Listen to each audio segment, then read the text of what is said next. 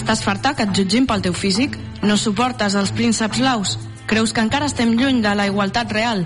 Trenca les cadenes, desfem l'espai feminista de Ràdio Sant Vicenç, l'últim dilluns de mes a les 9 del vespre.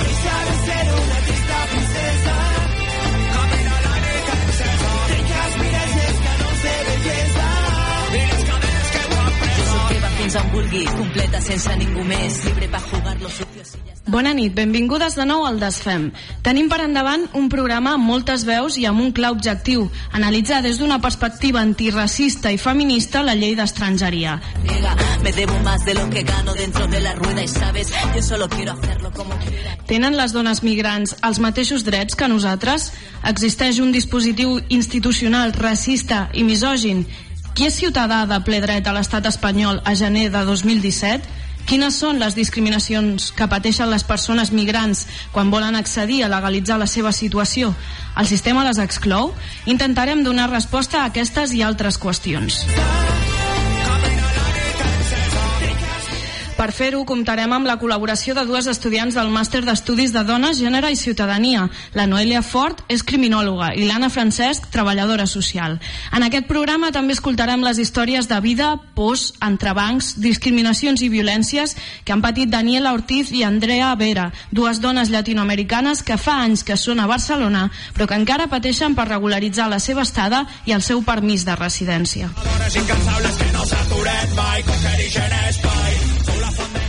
A més, la cooperativa d'assessorament jurídic i acta i l'associació Mujeres Palante ens ajudaran a donar encara més fonament a les crítiques a l'actual articulació de la llei d'estrangeria des d'una perspectiva de gènere. Deja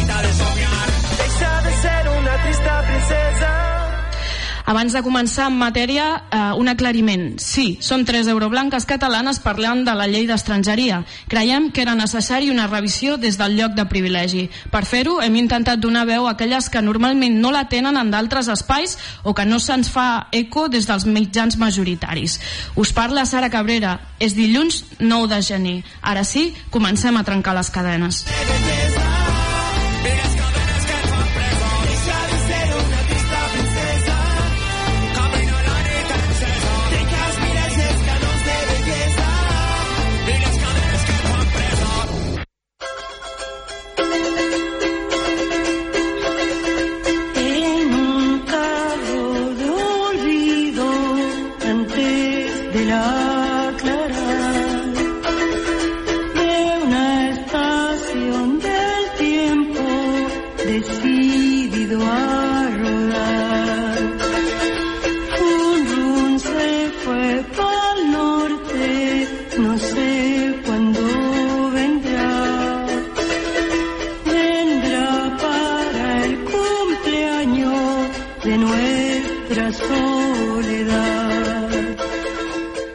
Pensament polític il·lustrat i liberal reposa principalment sobre la base del contractualisme, interpreta l'origen de les institucions socials i polítiques com a fruit d'un pacte entre éssers iguals. Y cuenta una aventura que pasa a deletrear. Els individus pacten cedir una part de la seva llibertat per tal que la igualtat i la llibertat de tots sigui garantida, per tal d'establir un govern legítim. Tanmateix, emergeixen exclusions dins d'aquesta lògica contractualista. Del último L'exclusió que hem tractat fins ara al desfem i que fonamenta els principals estudis feministes com a exclusió significativa ha estat la de les dones, però la segona gran exclusió ha estat, i roman, la que afecta els estrangers.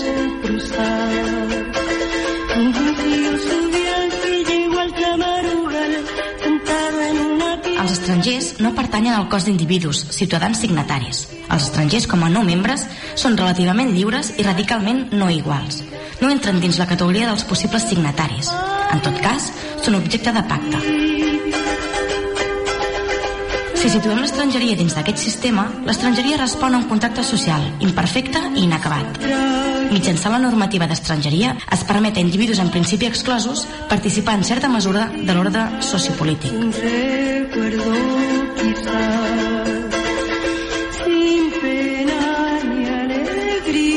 D'aquesta perspectiva, la normativa d'estrangeria delimita l'àmbit de subjectes als que se'ls és permès participar de la societat d'acollida via permís de treball o de residència.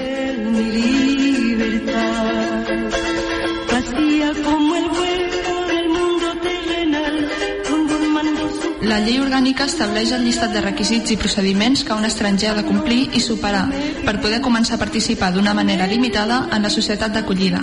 Es tracta d'assenyalar qui pot ser un individu potencial, un signatari del contracte social, en la mesura en què supera tots els entrebancs, requisits i proves variades fins que per la naturalització o nacionalització adquirida, si ho desitja i pot, la ciutadania plena, formal. los números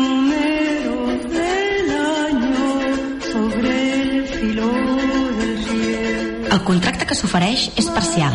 Durant un temps, els estrangers seran principalment subjectes d'obligacions més que de drets. Pagament de taxes variades pels permisos, cotitzacions a la seguretat social, lloguers alts sense ajudes socials... Ha de demostrar contínuament que no posa en perill la nostra comunitat, el nostre consens. La relació des del començament és llavors asimètrica.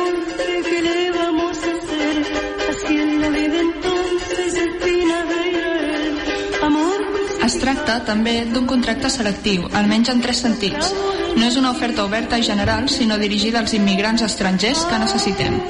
En segon lloc, és una oferta selectiva perquè no tots els candidats en serveixen. Els necessitem en dos sentits. Primer, per omplir els nostres buits laborals i ara també demogràfics, i segon, per omplir les nostres necessitats d'afirmació de la ciutadania enfront dels exclòsols, dels anòmals, dels estrangers.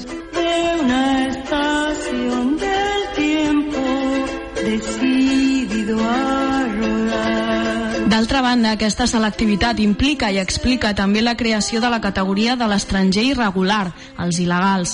Cal tenir un infrasubjecte enfront del qual projectar els beneficis de la ciutadania. La ciutadania dels éssers independents, que ara són els ciutadans europeus comunitaris, es pot afirmar davant les dependències dels éssers incomplets, dels que tenen alguna anomalia. Me dice que su viaje se larga más y más, L'estat-nació té, en aquest sentit, la clau de la diferència, la possibilitat d'establir mitjançant el dret quin és i qui no n'és membre, qui és i qui no és anòmal. El plantejament de la llei d'estrangeria, malgrat el fet que es proposa facilitar la integració social dels immigrants, continua establint com a punt de partida la desigualtat entre immigrants i ciutadans. L'estrangeria és una resposta jurídico-política a les migracions en clau restrictiva. És a dir, assenyalar i crear l'estranger com una persona diferent, i diferent sobretot pel que fa al catàleg de drets que li són reconeguts. L'estrangeria és l'eina jurídica que Europa ha inventat per crear i excloure no els estrangers, sinó els immigrants extracomunitaris pobres. És l'instrument que ens hem inventat per reforçar la frontera entre l'home i el ciutadà, per excloure la majoria dels éssers humans dels drets quan els moviments de la població del nord cap al sud han disminuït per invertir-se la dinàmica.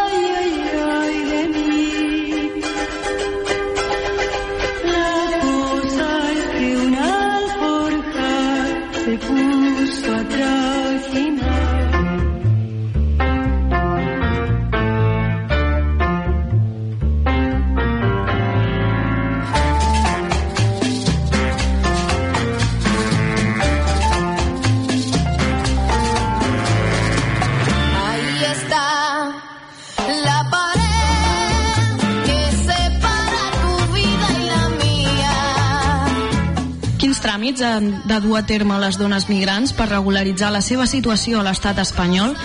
En aquest procés pateixen discriminacions de gènere. És fàcil accedir a la ciutadania?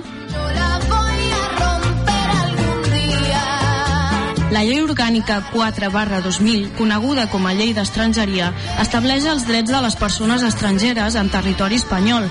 Una possible reflexió podria centrar-se en veure, dret per dret, allò que explícitament estableix la llei. Però donat que la situació de les dones migrants és molt més complexa i necessita una anàlisi en profunditat, creiem necessària una crítica feminista i antiracista de la llei d'estrangeria. Per això hem comptat amb el testimoni de la Sílvia Granato, professional de la cooperativa IACTA, i de la Norma Vélez, coordinadora de l'associació Mujeres Palante. Yo la voy a romper algún día. IACTA és una cooperativa d'assessorament jurídic i transformació social que ha treballat durant molts anys en casos de persones nouvingudes a Sant Vicenç dels Horts i a d'altres indrets de Catalunya. S'encarreguen d'acompanyar persones estrangeres en processos administratius i judicials de regularització administrativa, renovació de les autoritzacions, reagrupament familiars, modificació i qualsevol altra branca del dret d'estrangeria, així com en processos de nacionalització i en la defensa contra expedients sancionadors, expulsions, extincions del NIE, etc. D'altra banda, Mujeres Palante és una associació que va néixer del col·lectiu Maloca ara ja fa 10 anys. Facilita un servei d'atenció integral per la integració social i laboral de les dones en risc d'exclusió, migrants i autòctones, a través de la proporció d'eines pel seu empoderament. Si comencem amb l'anàlisi, la primera qüestió que ens ha de quedar clara quan ens endinsem en aquest marc jurídic és que la llei d'estrangeria pertany al dret administratiu, és a dir, totes aquelles normes encarregades de delimitar la relació de l'administració pública amb els particulars.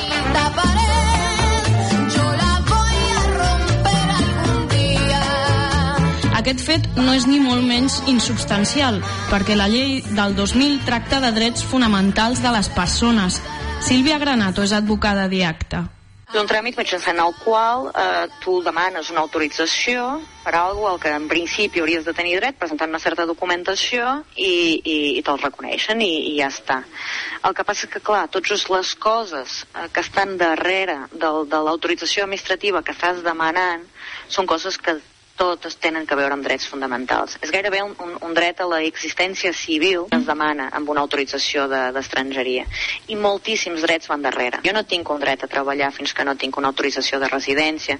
Jo no tinc dret a estar aquí si no tinc una autorització de residència. Jo no podré obrir una compte en el banc pràcticament a dies d'avui si no tinc una autorització de residència. Jo no podré desplaçar-me al meu país per veure, visitar els meus familiars si no tinc una autorització de residència, perquè jo puc sortir, però mai podré tornar a entrar si no tinc papers. Una, un seguit de drets que venen tots darrere d'aquest dret a l'existència civil que es dona a través de l'autorització administrativa i no sempre no, no sento jo personalment que es tingui en compte que els tràmits d'estrangeria són tràmits d'accés a drets fonamentals.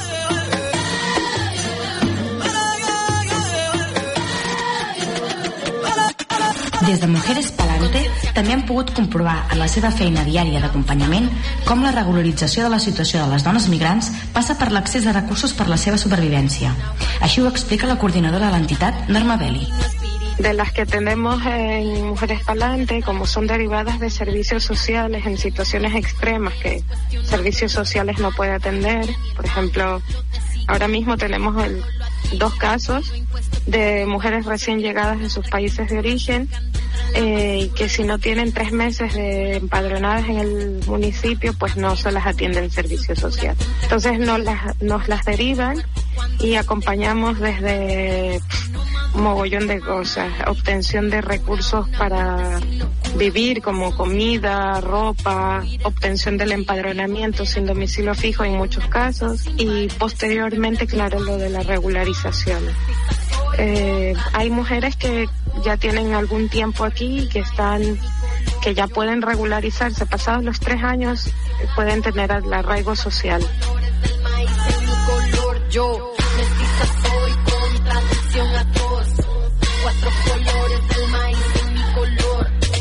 Les tres grans vies per accedir a la legalització de la situació de les persones migrants són, per un costat, a través de l'accés a la nacionalitat espanyola, el permís de residència per contracte de treball i informe d'arrelament o a través de processos de reagrupació familiar.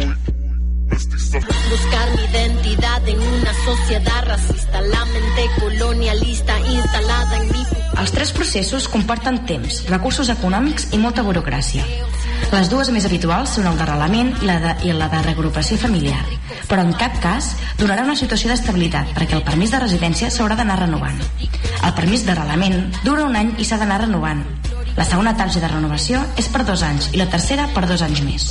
Una quarta per cinc anys i una cinquena que representa que és la definitiva. en este proceso que te puedes llevar toda la vida, porque mucha gente no consigue el contrato de trabajo de 40 horas inicial, lleva adjunto un contrato de trabajo de 40 horas. Eres latinoamericana, que ahí sí hay una discriminación horrorosa, a los dos años de tener tu residencia legal en España puedes pedir la nacionalidad. Y hay otros países que tienen convenios con España, por ejemplo Cabo Verde. Me hace gracia Cabo Verde porque Cabo Verde llegó a este convenio con España, pero ¿cuántos caboverdianos hay en España? Por Dios. O sea, es una minoría. Marruecos a los 10 años. a- eh, hay países que tienen este convenio bilateral que a los dos años puedes acceder a la nacionalidad, ¿vale? Cabo Verde, eh, Portugal, por vecindad, ¿no? Andorra, Guinea Ecuatorial y tal. Hay otros muchísimos países que al cabo de 10 años de residencia legal puedes acceder a la nacionalidad. Por ejemplo, Marruecos, me parece una discriminación horrorosa. Bueno, me parece discriminación ambas cosas, ¿vale? Pero bueno, con Marruecos por vecindad también podría ah, añadirse a este otro grupo que como Andorra y Portugal. Pero no, a los 10 años recién tienen acceso a la nacionalidad, previo examen y previo todo, ¿no? Previo pago de las tasas. Com escoltàvem, l'accés a la nacionalitat sembla ser l'opció més estable, tot i que per poder optar-hi o no dependrà dels convenis bilaterals entre Espanya i els països d'origen de la persona migrant. Tot sota criteris que, per no afegir més càrrega valorativa, són almenys arbitraris. A més, recentment, els requisits per accedir-hi s'han endurit. Així ho confirma Granato, advocada de IACTA. Estadísticament, les, les dades d'escolarització de les persones immigrants en Espanya són més altes que les dels nacionals espanyols, si considerem el, el, la totalitat de les persones estrangeres. Ara, sí que és cert que de determinats països, o sobretot de determinats perfils migratoris, que són de zones rurals, de muntanya, de zones de, de menys, diguem-ne, presència de l'escolaritat pública obligatòria, n'hi ha dones amb, i homes amb, amb perfils d'escolarització molt baixos. Ara mateix gairebé els estem dient que no podran mai tenir la ciutadania, tot i que sembla que s'ha afegit algun tipus de mesura per, per donar-li la resposta a aquestes situacions, a dia d'avui no sabem ben bé com ha de fer una persona que no sap llegir i escriure per poder demanar la nacionalitat espanyola, i això és greu també. És un filtre en l'accés a la ciutadania, o sigui, és un filtre en l'accés a la condició d'igualtat eh, jurídica, que mai és igualtat formal. Ens hauríem de preguntar com a societat quin tipus de filtre estem posant. Segons Beliz, els processos d'arrelament són discriminatoris per les dones. El hecho de acceder a esa regularización inicial por arraigo social es muy discriminatorio entre hombres y mujeres. Por ejemplo, las mujeres están en situaciones de esclavitud de interna o trabajando en limpieza en negro y es muy difícil que, bueno, esto viene dado también por la situación económica de las muchas familias que tienen mujeres trabajando así, ¿no? Hay una discriminación porque es diferente que un hombre, eh, por ejemplo, ahora que se está reactivando el tema de la construcción, hemos visto casos de hombres, parejas de las mujeres que atendemos, están trabajando en construcción y pues a los tres años eh, se les hace una oferta de empleo, un contrato y para regularizarlos. O por ejemplo, en el tema de hostelería también. Por ejemplo, un hombre que lleva tres años aquí y que accede a trabajar en un hotel o restaurante grande y tal en Barcelona, pues resulta que eh, depende de su desempeño, siempre ponen esto, ¿no? Dependiendo de su desempeño, pues los ayudan a hacer los papeles y esto es como un favor que les hacen a los hombres. Pero las mujeres sí lo tienen un poco más jodido porque porque claro, las familias con pocos ingresos, que las hay muchísimas, no quieren asumir la responsabilidad de hacer un contrato de trabajo a la empleada del hogar, así que hay una discriminación, pero dada por la ley, ¿no? Tradicionalment, es pren com a subjecte que inicia la migració l'home, el cap de família, des d'una concepció sobradament heteropatriarcal. Però durant els darrers anys, cada cop hi ha més dones amb perfils diversos que decideixen migrar cap a altres països i arriben a Espanya. Tot i que el procés de reagrupació familiar estigui regulat d'una manera neutra des de la llei, és a dir, que no s'estableixi el gènere de la persona que inicia el procés, sembla que aquests mecanismes tampoc són la millor opció per les dones migrants.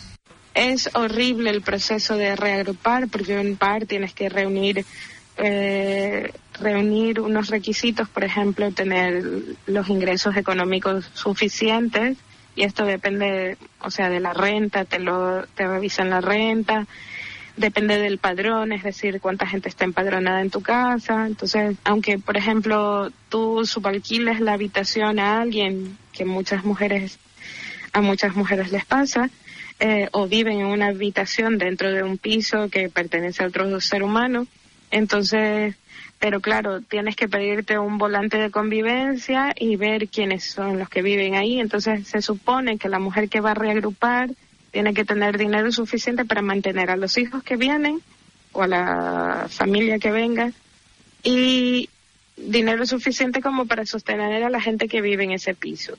Entonces, además, el otro requisito es que el piso donde viva tiene que tener una habitación, unas habitaciones de unas medidas adecuadas y se supone que es una habitación por hijo. Muchas mujeres lo logran, pero con un sacrificio sobrehumano, o sea, años de años de esfuerzo, de ahorrar el, el céntimo, de vivir en condiciones horrorosas y cuando quieren reagrupar, pues ya se buscan el piso para que sea solo para ellas i sus hijos. En aquest marc, el de la reagrupació familiar estàndard, eh, es requereix, per exemple, no? que la persona reagrupant al moment de sol·licitar la residència a favor dels seus familiars, que han de ser familiars directes, eh, que tingui una certa situació d'estabilitat laboral. Per exemple, cal que la persona porti almenys un any treballant de forma continuada i durant aquest any anterior tingui una certa, una, un, un import de mitjana d'ingressos en funció del nombre de persones que vol reagrupar. Imaginant que és una dona que està aquí, viu sola i vol reagrupar un marit, una persona només, eh, hauria de demostrar que porta un any cobrant 800 euros al mes. Com que sabem que estadísticament les dones tenen contractes menys estables tenen, tenen contractes, estan cotitzant per jornades inferiors i que tenen sous inferiors, aquí a la pràctica ja detectes que hi haurà estadísticament menys dones que homes que puguin reagrupar els seus familiars. No puedo escapar. Se me ven por los ojos la gana de salir. No me puedo ir, ya no salgo más. Encierro un perro. Tal com estableix la normativa espanyola, el dret de les persones estrangeres està completament lligat a l'obtenció d'un contracte laboral. Si en el marc de l'estat espanyol l'accés al benestar és de caire mercantilista, en el cas de les persones estrangeres, la qüestió laboral adquireix un caràcter imperatiu.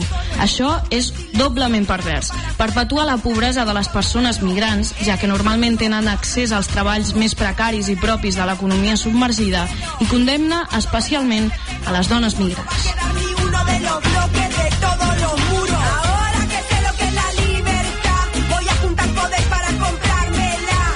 El treball domèstic és una de les poques portes d'accés a la regularització i a la subsistència de les dones migrants, però la situació i els drets laborals que es desprenen d'aquestes feines associades a les tasques de cura i la feminitat disten molt de ser les més adients. Sí que això no, no està ben bé a la llei, però és una pràctica de la- de l'Oficina d'Estrangers de Barcelona, per exemple, no sé fins a quin punt es dona també en altres, en altres províncies, però Barcelona això, en el cas concret de persones que estiguin treballant en feines de cuidados, en feines de treball domèstic, sí?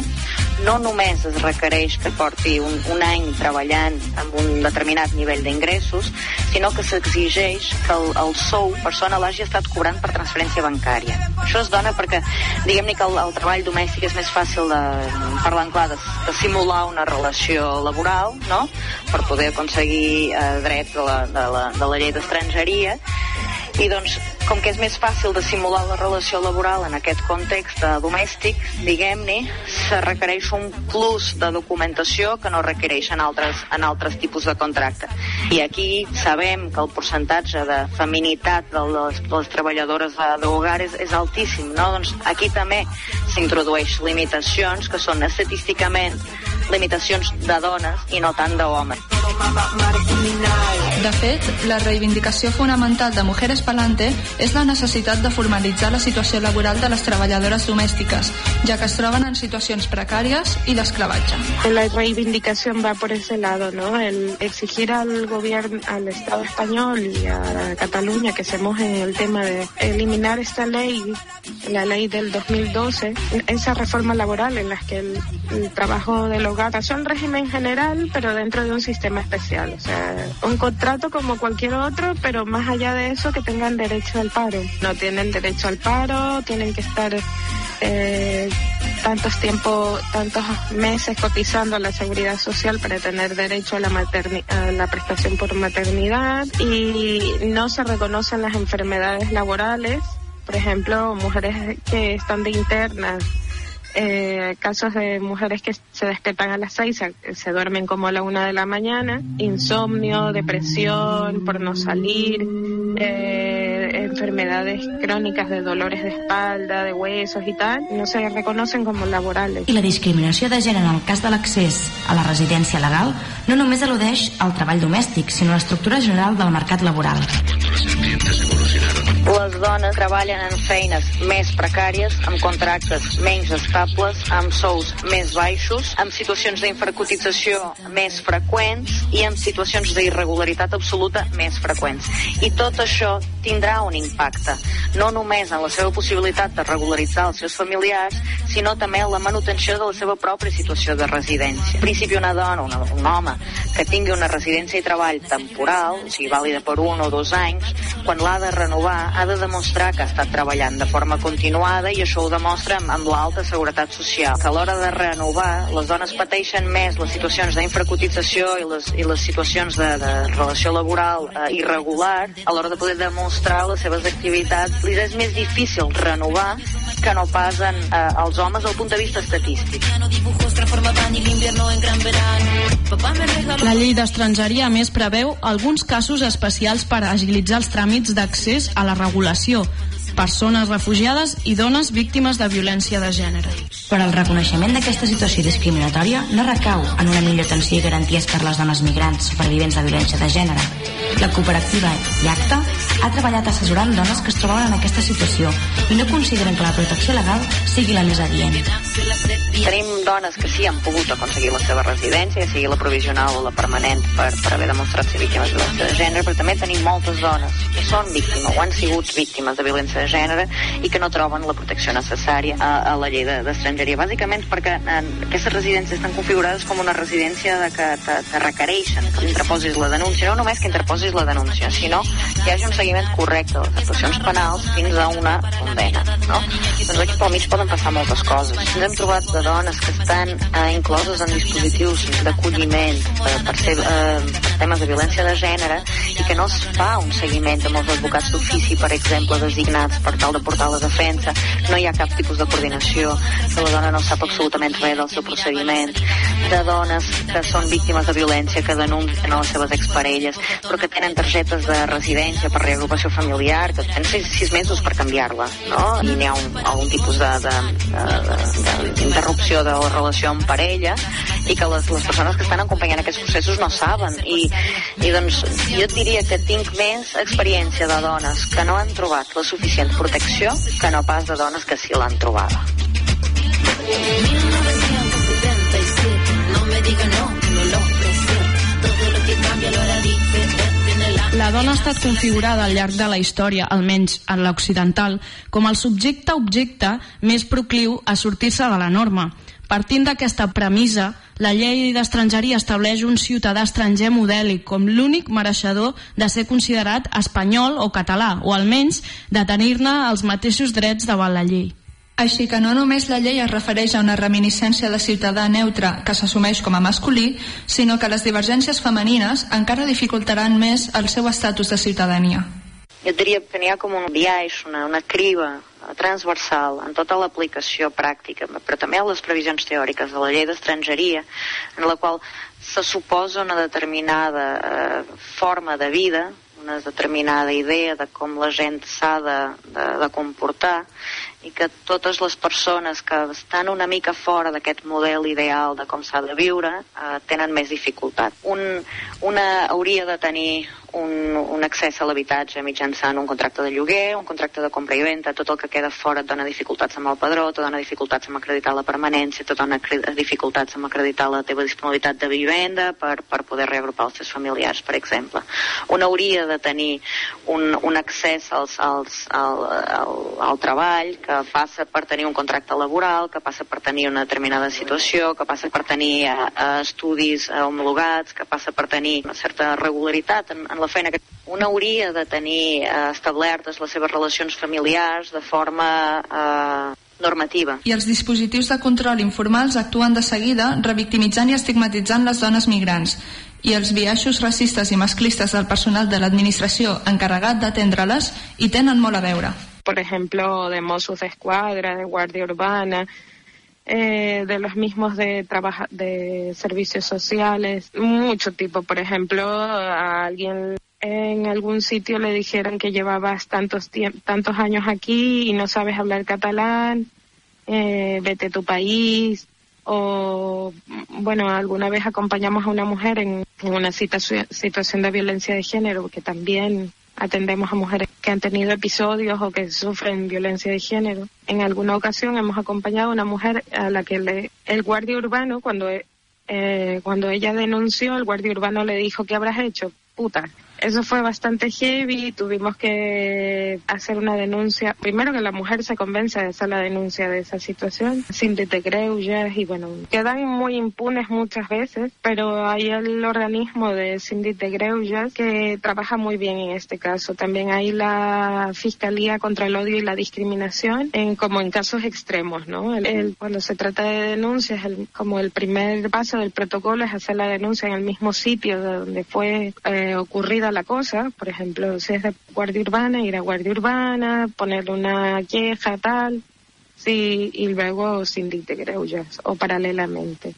O sea, sí hemos tramitado algunas denuncias en este sentido. Claro que la denuncia muchas veces queda en nada porque son como tan esporádicos y es tu palabra contra la mía que muchas queda en nada. Passen d'altres que també poden tenir impacte a la seva a la manutenció de la situació de residència legal. La tasca molt important de decidir si es tenen o no tenen cobertes les necessitats bàsiques i quin tipus de mesures s'engeguen per tal d'ajudar aquesta família, aquesta unitat familiar o aquesta persona a pal·liar les seves necessitats bàsiques. I aquí sí que hi ha un filtre important que va una mica segons el, el, el criteri de, de, de la persona que ho porta o el criteri de la direcció de la persona que ho porta. No? Observo diferències importants entre diferents municipis i diferències importants entre diferents professionals. Són persones fent, fent tasques que no poden mai ser del tot objectivables i entren tots els filtres que, que tenim com a persones, no? Si són més o menys racistes, si ens cauen millor pitjor unes o altres nacionalitats, si ens semblen bé o no unes i altres formes de vida, i doncs eh, es donen, es donen situacions de, de, de respondre que sí a una família amb unes determinades característiques i al poble del costat respondre que no a una altra família amb les mateixes característiques. Una altra de les alarmes que salten quan analitzem la legislació en matèria d'estrangeria és la relació sense precedents entre la llei d'estrangeria, recordem, d'àmbit administratiu, amb la regulació penal. Intuïtivament, que, que es tenen més presents en aquest camp que no pas en d'altres, no et demanen certificats d'antecedents penals per tants altres tràmits administratius, per aquest te'l demanen. És impossible demanar una residència inicial, o sigui, supòsit de denegació de qualsevol residència inicial pel règim general, el fet de que tinguis un antecedent penal. I no t'estic parlant de, de tenir una condena pendent de compliment, t'estic parlant d'algú que, que hagi comet algun tipus de delicte, que se li hagi imposat, per exemple, una multa no?, de sis mesos, que l'hagi pagat, després, en principi, aquella persona haurà d'esperar dos anys de temps de penitència, diguem-li, per poder cancel·lar aquell antecedent i fins que no el tingui cancel·lat, és a dir, esborrat de l'arxiu del Ministeri de, de, de Justícia, no podrà demanar una residència inicial. Fins i tot, al nostre marc legal s'estableix una sanció penal específica que només afecta les persones estrangeres, l'expulsió o deportació. I un últim apunt, que és bastant més greu. Hi ha una pena, que és una pena que és exclusiva per persones estrangeres, que és la possibilitat d'instar expulsions per la via del dret penal. Si parlem clar, era l'antigua pena del destierro, no?, que per alguna raó ha sortit del, del dret penal, per, per raons d'incompatibilitat amb, amb un dret penal digne, no? I, i que aquí ens, ens, ens el tornem a trobar sense gairebé cap tipus de crítica per part dels, dels agents jurídics involucrats, no? en el que una persona espanyola que cometi un delicte se li pot jutjar i condemnar, condemnar a penes molt serioses, però no se l'expulsarà del país. Una persona estrangera que pot haver nascut aquí, filla de pares estrangers i pot portar aquí visquent tota la vida, se- s'hi arriesga a l'hora de, de, de cometre un fet delictiu, de que no només la condenin a penes de presó alta, sinó que a la meitat, als dos terços, al final de la condena, se li pugui, a més d'haver estat un cert temps a presó, expulsar un país amb, amb potser no té ni cap lligam, no? Després d'aquesta anàlisi, és evident que la legislació en matèria d'estrangeria opera sota uns mecanismes racistes i heteropatriarcals.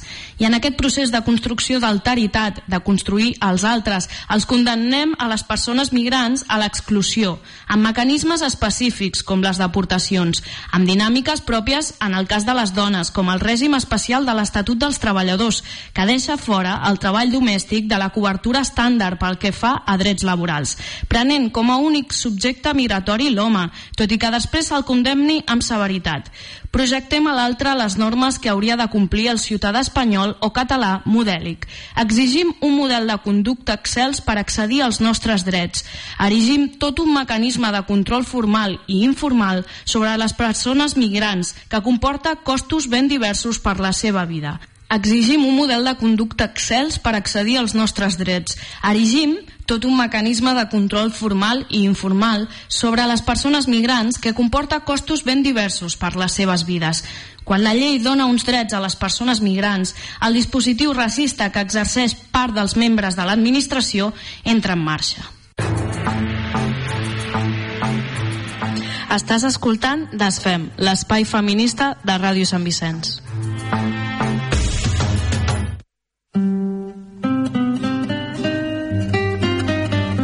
Com viuen aquestes exclusions les dones migrants?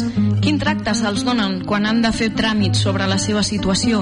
Consideren que la llei d'estrangeria els proporciona plens drets?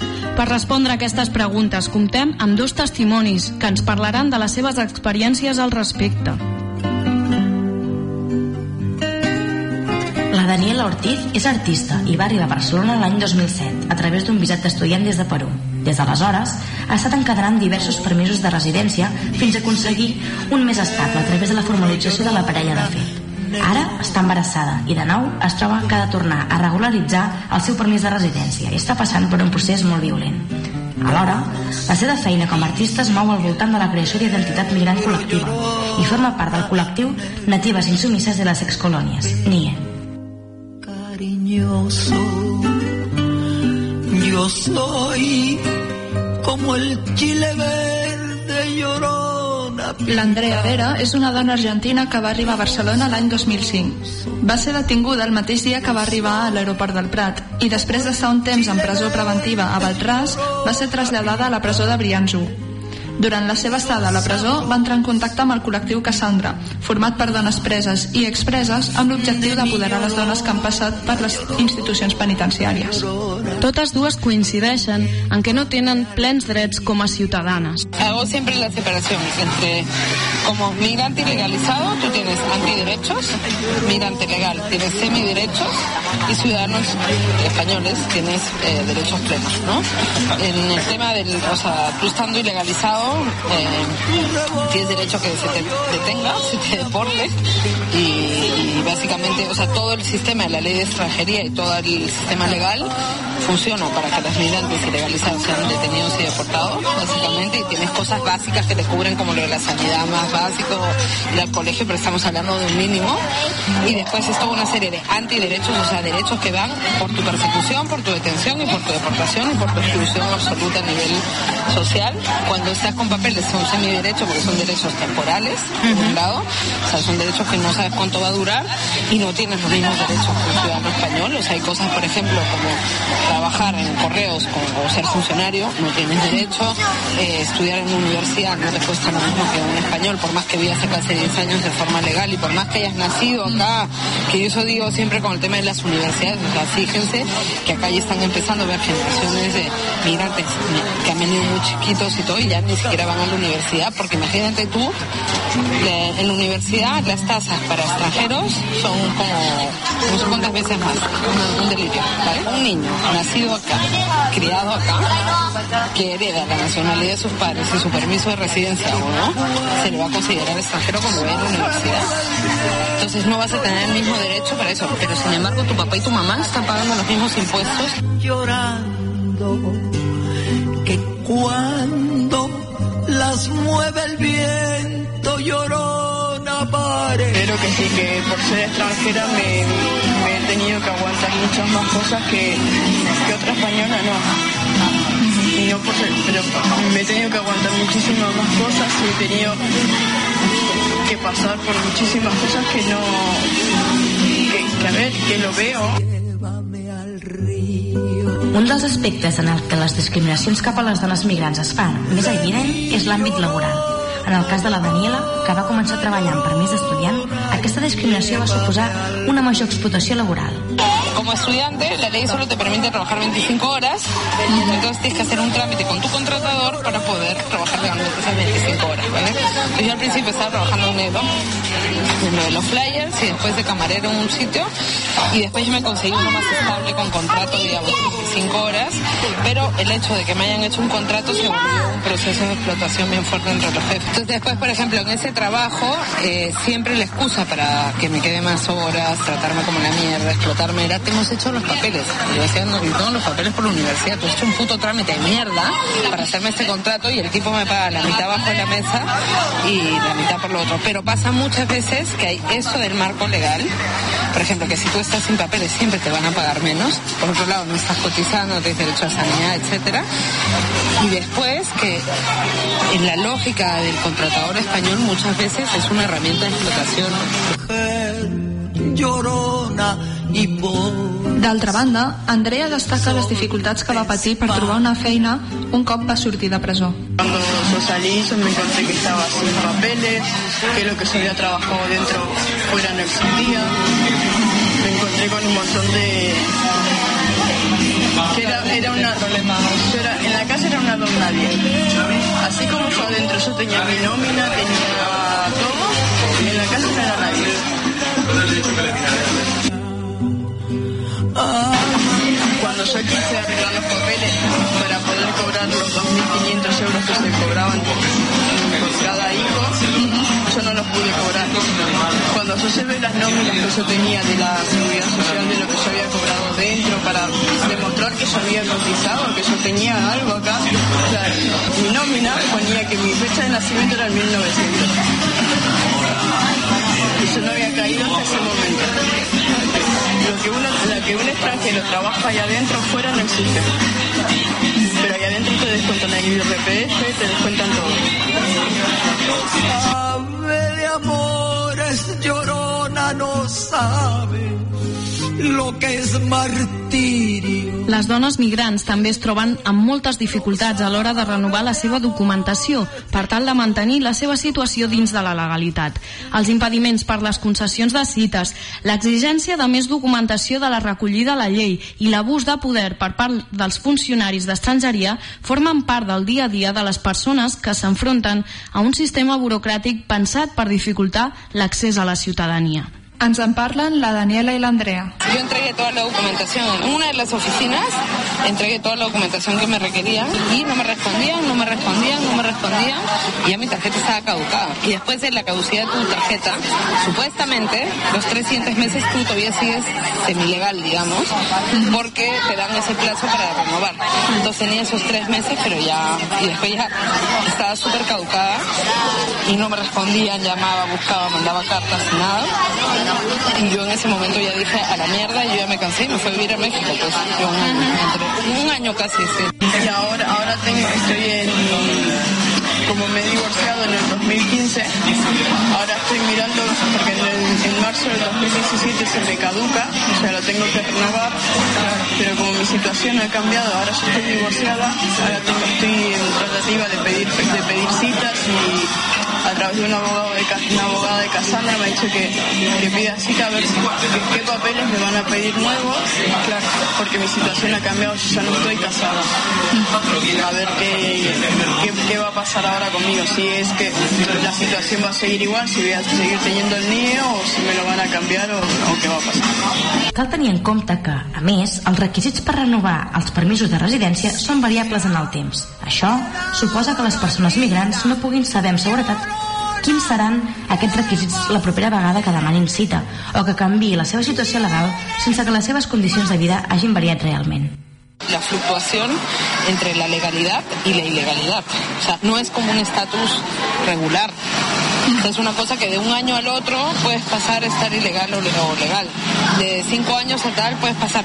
Puede ser porque no puedas conseguir los requisitos, como puede ser porque te cambien la ley y de pronto te pongan una serie de trabas como la que me han puesto a mí ahora, que me piden, por ejemplo, 9.000 euros en la cuenta bancaria. Es un delirio que te pidan 9.000 euros en la cuenta bancaria para tú poder renovar un permiso de residencia después de 10 años viviendo en España. Todo va cambiando muy rápido. O sea, es lo que te digo, por ejemplo, yo en, en eh, las primeras dos renovaciones de estudiantes no te pedían dinero, ya la tercera, 3.000 euros en la cuenta tenías que tener. ¿no? O el año- hasta hace dos años no pedían dinero para la, reno- para la renovación por matrimonio ni contrato de trabajo, ahora ya piden. Entonces es una cosa muy inestable y yo lo que siempre explico, la única manera que tenemos de estabilizarte acá a nivel legal es obteniendo la nacionalidad. Ni tan sols els escassos drets recollits per la llei d'estrangeria es compleixen en moltes ocasions. Les persones sotmeses als processos de regularització es troben en una situació de desempara impensable en qualsevol altre context. La Daniela ens explica les conseqüències d'aquesta inseguretat. A nivel psicológico es súper duro. Aparte, pasar de esa situación de, de creer que tienes una tarjeta que te protege medianamente y todo, a de pronto estar sin papeles y que sea todo un proceso en tu cara en donde no es que el sistema funcione mal, está, es que está diseñado para no darte la tarjeta y que haya no mala voluntad, sino un racismo explícito de parte de los funcionarios. Es súper frustrante de ver que la ley, hasta la ley dice que yo tengo el derecho y que el sistema está hecho de tal manera que a mí no, no se me genere ese derecho. Porque en mi caso, que si tú, si yo mañana voy a un juez y le digo, señor juez, no han querido renovar mi tarjeta, me han dejado sin tarjeta por tal, tal y tal, me va a dar la razón a mí. Porque la ley, por todo cómo funciona, dice que yo tengo el derecho. Pero después es lo que les explicaba, ¿no? Tienes por un lado lo que es la ley de extranjería, que ya es un marco racista en sí, pero después tienes una interpretación y una aplicación de esas normativas de parte de los funcionarios, la oficina de extranjería, la policía y etcétera, y todos los agentes que están alrededor, ¿no?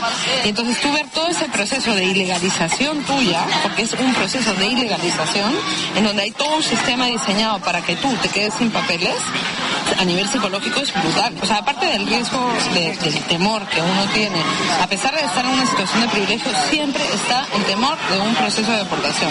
¿Vale? Y un proceso de deportación no es que vienen y te compran un pasaje y te lo dejan la puerta de tu casa y tú te lo tomas el Es que te sacan de acá y todas tus cosas, toda tu vida se acabó por completo. Todo tu trabajo, todo tu- No puedes volver 10 años después de un proceso de deportación, ¿no?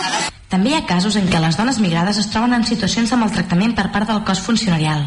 En el cas de l'Andrea va ser així, quan es va presentar sola a una entrevista on havia d'anar amb la seva parella, ja que era relativa al seu matrimoni. Me presento en el juzgado de paz y explico, le digo, no, es que vine sola porque la, la, la, la- la secretaria me atendió tan mal, me gritó y me insultó, que yo iba con mi amiga, que es, que es gitana, que ha estado presa conmigo, que, a ver, yo me sentí tan humillada que me callé la boca y no le dije, no, no le seguí dando la explicación. Y sal- que saltar mi amiga y decirle, a ver, pero te está explicando que el marido está preso. Pel que fa a les discriminacions de gènere que pateixen les dones migrades, la Daniela i l'Andrea tenen visions diferents. Escoltem primer el cas de la Daniela. Las cuestiones de género, en, en el, cuando se junta con el tema del racismo, eh, funcionan de otra manera. Entonces, por ejemplo, un hombre negro, se- por el hecho de ser hombre, no solamente por el hecho de ser negro, sino por el hecho de ser hombre, se le va a tratar peor y se le va a perseguir más y va a ser el sujeto más criminalizado que una mujer. Entonces, no, no digo que no tenga situaciones de abuso y todo, pero yo creo que, que hasta cierto punto por ejemplo, en los centros de internamiento de extranjeros se detienen mucho más hombres que mujeres, se deportan muchos más hombres que mujeres y después el racismo también se articula a partir de la figura del hombre árabe eh, macho que te va a violar y lo mismo del hombre negro macho que te va a violar, del hombre eh, sudaca, no sé qué, que tal, ¿me entiendes? Eh, Entonces el género cambia la lógica, no quiere decir que después a nivel interno dentro de esas comunidades se den abusos ni nada, sino pero a nivel como colonial, racista colonial, la lógica del género varía. Y a la mujer se le ve más como una víctima de todo. O sea, sí te afectan en cuestiones como el hecho de estar embarazada, que sí, pues me, me puede pasar a mí y que después tengas dos funcionarios, hombres blancos españoles, que te estén viendo con la barriga y que, o sea, se- o sea, están haciendo la peor interpretación de la norma y de la ley que puedan para joderte cuando te están viendo en esa situación. Hombre, sí, ahí en ese sentido obviamente te sientes mucho más vulnerable. Pero un sujeto sujeto de, de mayor persecución, digamos, o de mayor facilidad de expulsión va a ser un hombre negro seguro. Andrea, d'altra banda, considera que les dones ho tenen més difícil. Ens explica també les repercussions laborals que pateix després d'haver superat una situació de violència de gènere. Yo creo que los hombres lo tienen más fácil. Si no, los hombres lo tienen más fácil porque incluso en la misma empresa te lo, lo podrían haber arreglado. De hecho, yo cuando salí, estaba en sección abierta, eh, el que era mi, mi marido, él me quería hacer entrar en la empresa donde él trabajaba, pero su jefe, como yo era extranjera y me faltaban los papeles, él no, no quería arriesgarse a hacerme un contrato. Tuve que pasar por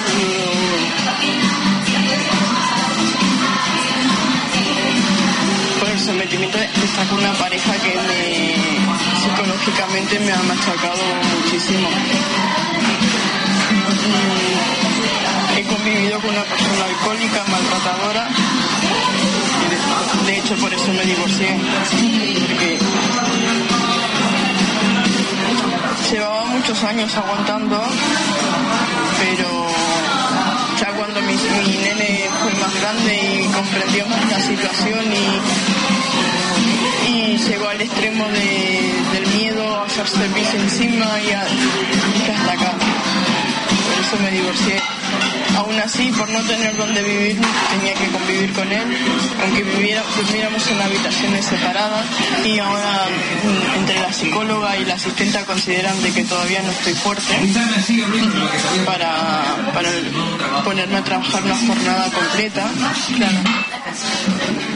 Porque tengo, es verdad que tengo, así puedo estar muy bien y de repente tener unos bajones. Era una persona muy depresiva que me estaba, es que ya no era solamente el maltrato físico, porque no, a lo mejor era un maltrato físico en plan dejarme la cara, los ojos marcados, en plan bestia, pero sí era un machaque psicológico, porque cada dos por tres estaba intentando matar y, me dejó muy marcada en ese aspecto. Claro. Yo sé que yo no podría estar eh, 8, 9, 10 horas metida en un trabajo porque no estaría tranquila. No podría estar pendiente de una faena porque no sabría si estará bien, estará, se habrá acercado a los niños, se habrá hecho alguna tontería o si le toca cuidar a los niños. Estará bebido, no estará bebido, ¿qué habrá hecho? No podría. Me volvería loca. Me volvería loca. La Daniela està embarassada de 8 mesos. Per aquesta condició, ha viscut de primera mà moltes situacions relacionades amb l'accés de les dones migrades als serveis sanitaris. En el seu cas, ha pogut veure com determinats drets es reconeixen o es neguen en funció del personal que l'atén. Yo por el tipo de, papeles que tengo, por estar casada con un español, te- tengo derecho a, a la sanidad. Cuando yo fui a sacar mi tarjeta sanitaria, me dieron una temporal porque me dijeron como que falta un documento, que no estamos seguros si tienes o no tienes derecho, no sé qué. Entonces yo estaba usando esa otra tarjeta, ¿no? que me dieron una temporal. En el CAP, por ejemplo, pasaba, entraba, no pasaba nada. En urgencias que fui una vez allá, nunca me cobraron. Cuando fui al hospital del mar me hicieron dos facturas estando embarazada, que supuestamente la ley dice que tienes derecho. Pues, por ejemplo, en el hospital clinic no lo hacían. Entonces, ¿me entiendes que empiezas a depender? Y eso yo teniendo tarjeta de residencia. ¿ah? Ahora yo tengo la tarjeta sanitaria porque después volví al CAP a decirles, por favor, dame la tarjeta y ya la, la firme, digamos, ¿no? La final. Eh, Estaban como, bueno, es que no sabemos si tienes derecho o no, no sé qué.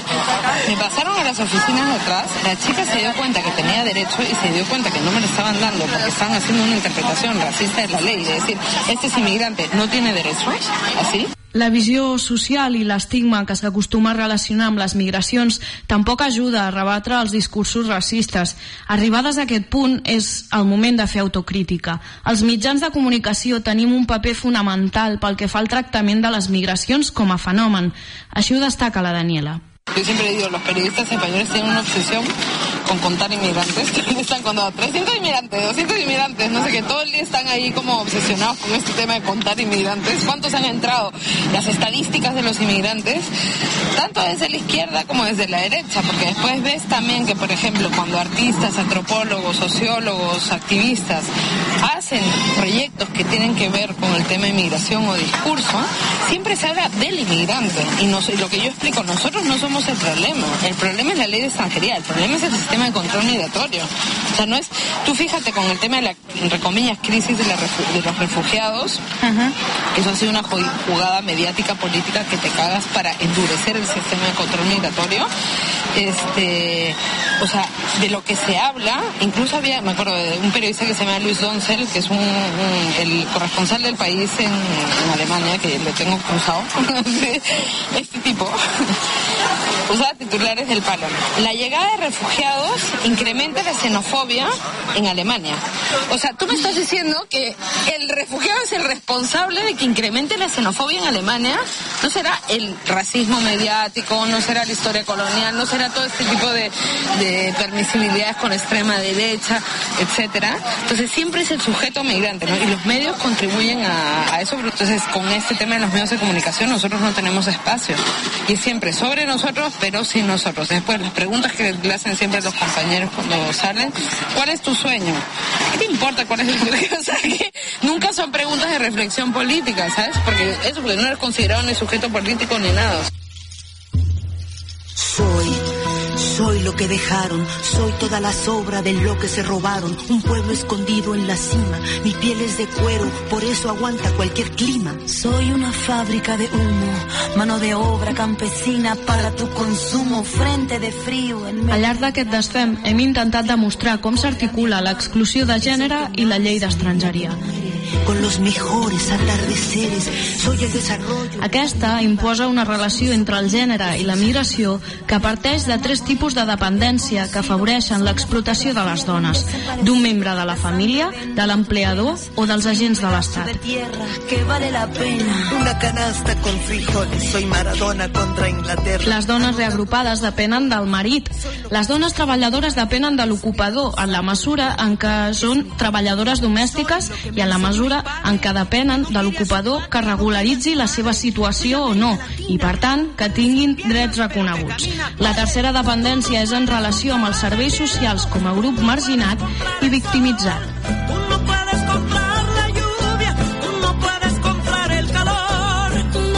La llei d'estrangeria reconeix drets segons s'habita al món públic o al món privat que signa prèviament.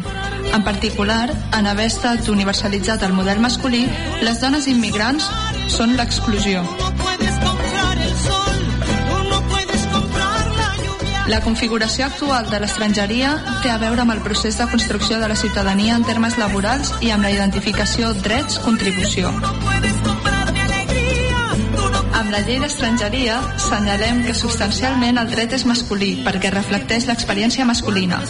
Les normes prenen com a referent humà l'experiència masculina de la humanitat i, el contingut, el dret exclou les dones en no considerar-les subjectes de normes i drets.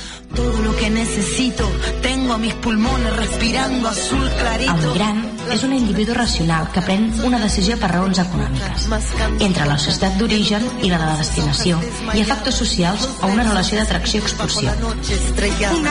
La decisió d'emigrar és presa per l'individu en una avaluació econòmica de la situació i les possibilitats. L'individu que migra i la decisió sobre la migració és neutra pel que fa al gènere. La dona, quan migra, ho fa com a subjecte individual, racional i sense gènere. És un mirall de la migració masculina. Porque el abono de mi tierra es natural.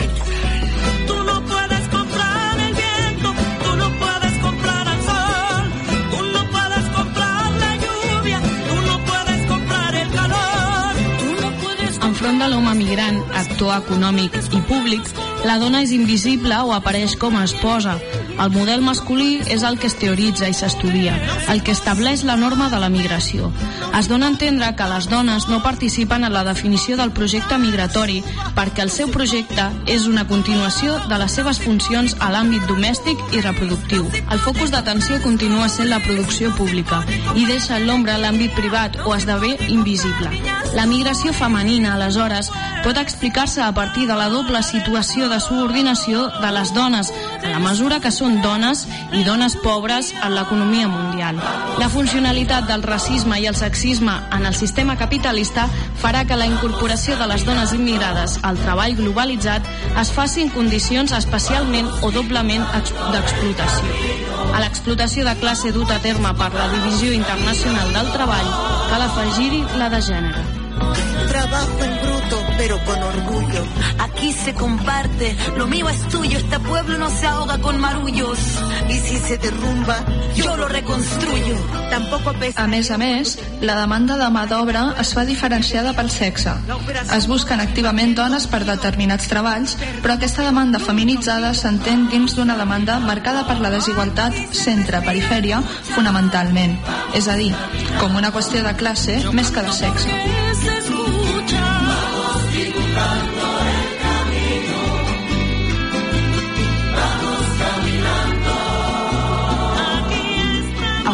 Global capitalista es beneficia de la divisió sexual del treball que estableix el patriarcat, el que s'ha anomenat Dual System Theory. Per a les dones immigrades, la subordinació de gènere coincideix amb la de classe i amb la internacionalització de les relacions de producció s'ha internacionalitzat també l'opressió de sexe, juntament amb el racisme.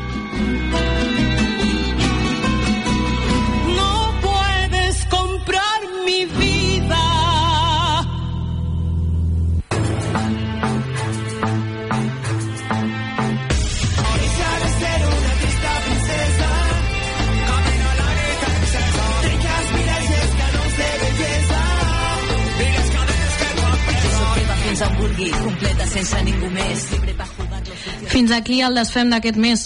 Esperem que us hagi servit per replantejar-vos algunes qüestions i mites al voltant de les dones migrants. Ens tornem a trobar l'últim dilluns de mes per seguir trencant amb les cadenes, ja ho sabeu. Agrair a la Noelia Fort i l'Anna Francesc la seva col·laboració en aquest programa. Res més, salut i feminismes. Yo vine pa' gozarla, yo no pa' que tú lo goces. La perra que más ladra si hace falta, no hay bozal para las voces. Cuando quema la garganta y el reloj toca las 12.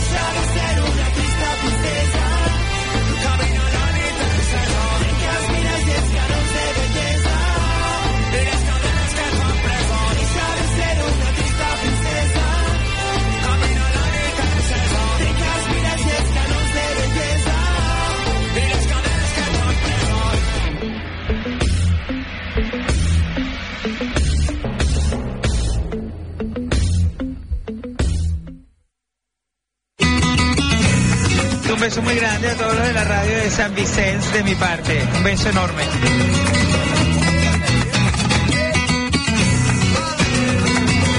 Ràdio Sant Vicenç. 30 anys al teu servei.